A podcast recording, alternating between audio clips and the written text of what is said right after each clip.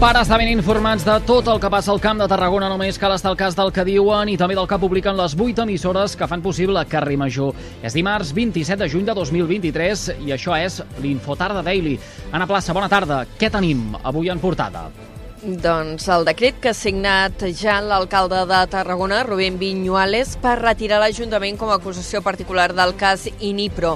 Viñuales ha justificat la mesura, recordar que l'Ajuntament es va personar en la causa quan ja s'havia tancat la instrucció i que hi ha altres agents que vetllen per esclarir els fets. Per aquest motiu no considera convenient destinar-hi més diners públics. Ha dit literalment que la personació del consistori en el cas Inipro és extemporània inútil processalment i que no serveix per res. Hi ha participat en la hi ha el Ministeri Fiscal, hi ha una altra acusació particular, és una personació totalment extemporània, fútil, processalment i que no serveix per res.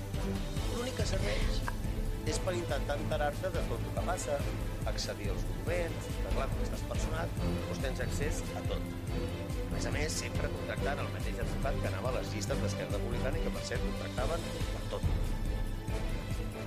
Esquerra Republicana ha reaccionat de seguida i ha demanat a Viñuales que retracti. La portaveu dels republicans, Maria Roig, ha dit que és una qüestió molt delicada i que hauria d'haver passat per plenari. Ha afirmat que els socialistes actuen només pensant en el seu interès.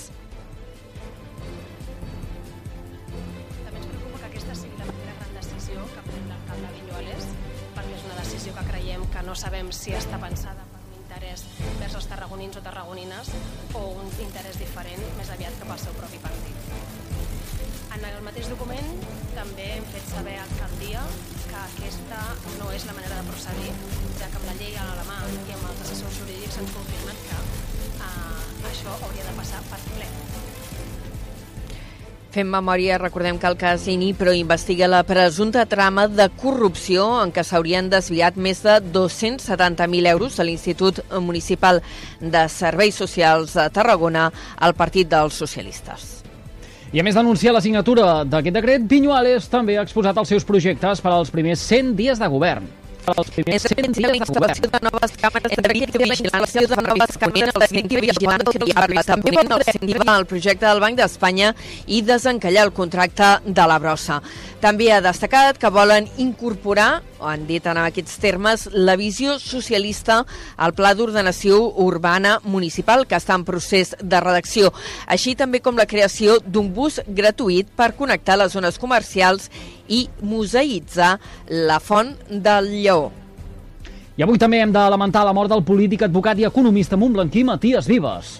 Va ser diputat al Parlament de Catalunya durant 8 anys, eh, entre el 80 i el 88. També va ser regidor a l'Ajuntament de Montblanc fins al 2013 amb el grup de l'Entesa.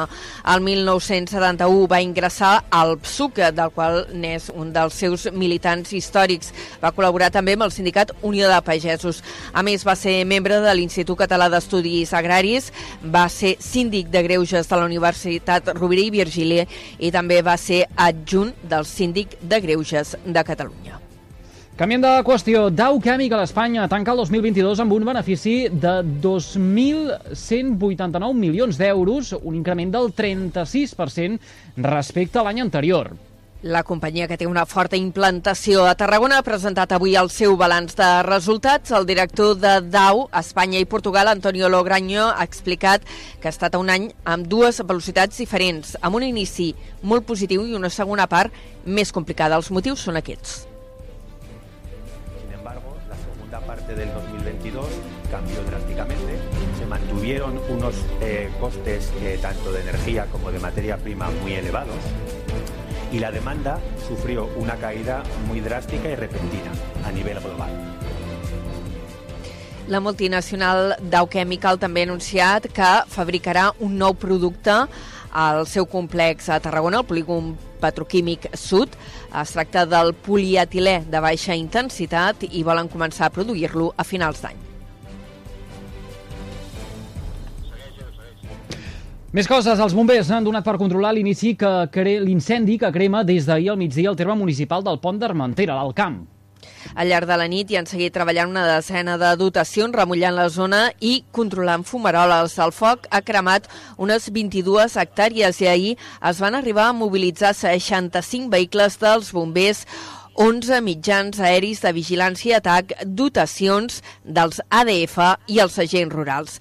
Els primers indicis apunten que l'origen del foc podria estar en una línia elèctrica, ja que minuts abans de declarar-se l'incendi, el municipi es va quedar sense subministrament elèctric. I encara en plana de successos, els Mossos han denunciat dos cops en una hora un home de 31 anys que circulava per l'A7 a Tarragona sota els efectes de l'alcohol. La policia va aturar un conductor que presentava símptomes clars d'haver begut eh, cap a les 4 de la matinada. En un control a les 7, l'home va donar positiu en el test d'alcoholèmia i els agents van immobilitzar el cotxe. Cap a les 6 del matí, un cop finalitzat l'operatiu policial, el denunciat va trencar el parany del turisme i va reprendre la marxa per l'autovia. La policia va tornar-lo a aturar i el va denunciar de nou. Carrer Major és proximitat. En esports, el Nàstic queda enquadrat al grup nord amb el Depor, el Lugo i el Ponferradina. Els granes canviaran la seva distribució i també canvien dues comunitats autònomes per altres dues. Les principals, València i les Illes Balears, deixaran de ser rivals dels Grassa, dels Granes, que sí que viatjaran enguany al punt més occidental de la península per jugar contra gallecs i castellano-lleonesos. Els granes repetiran contra alguns filials, en aquesta ocasió seran quatre, el Barça B, l'Ossassuna Promeses, Real Societat B, al qual s'afegeix el Celta B. El Nàstic tindrà dos derbis catalans contra el Cornellà i el Sabadell. I abans encara de la crònica meteorològica, els hem d'explicar que 700 atletes participaran aquest cap de setmana al Campionat d'Espanya Sub-23 d'atletisme que es disputarà a Tarragona. Es tracta d'una de les proves més destacades del calendari atlètic estatal que arriba a la 38a edició. Tarragona ha acollit en cinc ocasions aquesta competició. La primera vegada va ser l'any 1987 i la darrera el 2009. 19. Ara sí, doncs, coneguem quin temps ens espera de cara a les properes hores i connectem amb el Servei Meteorològic de la xarxa de comunicació local.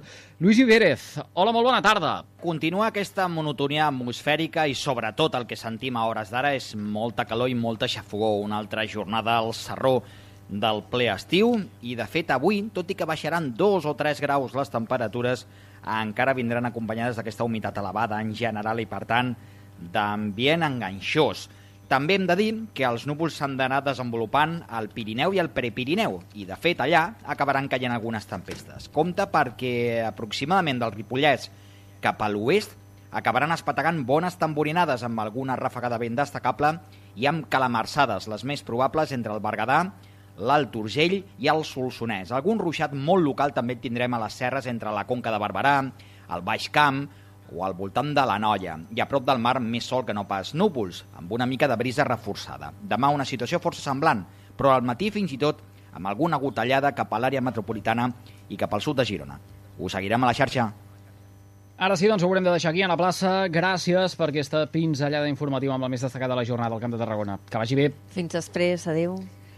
Tots vostès poden recuperar l'Infotarda Daily d'aquest dimarts dia 27 de juny mitjançant les xarxes socials i també els respectius serveis de ràdio a la carta a les 8 emissores que cada tarda passegen plegades pel carrer Major. Gràcies per seguir-nos.